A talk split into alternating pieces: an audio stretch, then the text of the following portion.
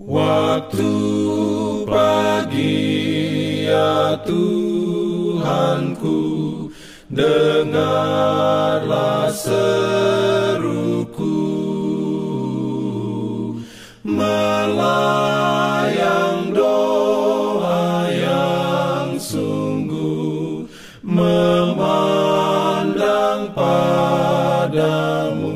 Selamat pagi pendengar Radio Advent Suara Pengharapan. Mari mendengarkan suara Tuhan melalui tulisan pena inspirasi Agama yang bersinar. Renungan harian 6 Desember Dengan judul Membuat saya memilih surgawi daripada duniawi. Ayat inti diambil dari Ibrani 10 ayat 34 Firman Tuhan berbunyi, "Memang kamu telah turut mengambil bagian dalam penderitaan orang-orang hukuman, dan ketika harta kamu dirampas, kamu menerima hal itu dengan sukacita, sebab kamu tahu bahwa kamu memiliki harta yang lebih baik dan yang lebih menetap sifatnya."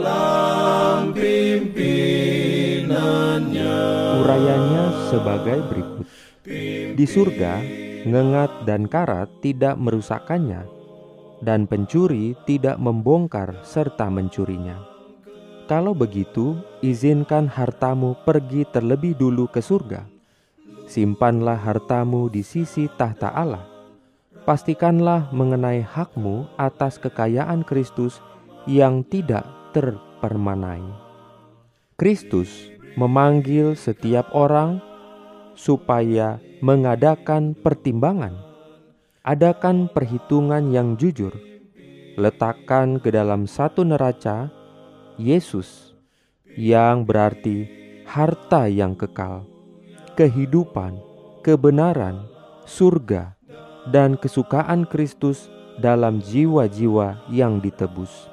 Letakkan dalam neraca yang sebelah lagi setiap penarikan yang dapat diberikan dunia ke dalam satu neraca, letakkan kehilangan jiwamu sendiri dan jiwa-jiwa yang sebenarnya kau bisa menjadi alat untuk menyelamatkan mereka. Ke dalam neraca yang lain, letakkan bagi dirimu dan bagi mereka suatu kehidupan yang sepadan dengan kehidupan Allah.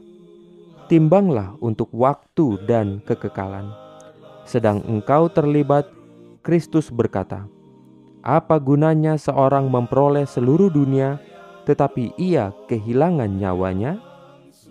Allah ingin agar kita memilih yang semawi ganti yang duniawi. Ia membentangkan di hadapan kita kemungkinan dari simpanan dalam surga. Ia akan memberikan dorongan kepada cita-cita kita yang tertinggi keamanan kepada harta yang amat terpilih. Katanya, Aku akan membuat orang lebih jarang daripada emas tua, dan manusia lebih jarang daripada emas ofir. Bila kekayaan yang dimakan ngengat dan dirusakkan oleh karat dilanda habis, pengikut-pengikut Kristus dapat bersuka cita dalam harta semawinya kekayaan yang tidak akan dapat binasa. Amin. Diberikannya perlindungan dalam pimpinannya. Pimpinan. Jangan lupa untuk melanjutkan bacaan Alkitab sedunia. Percayalah kepada nabi-nabinya yang untuk hari ini melanjutkan dari buku Yesaya pasal 13. Selamat beraktivitas hari ini.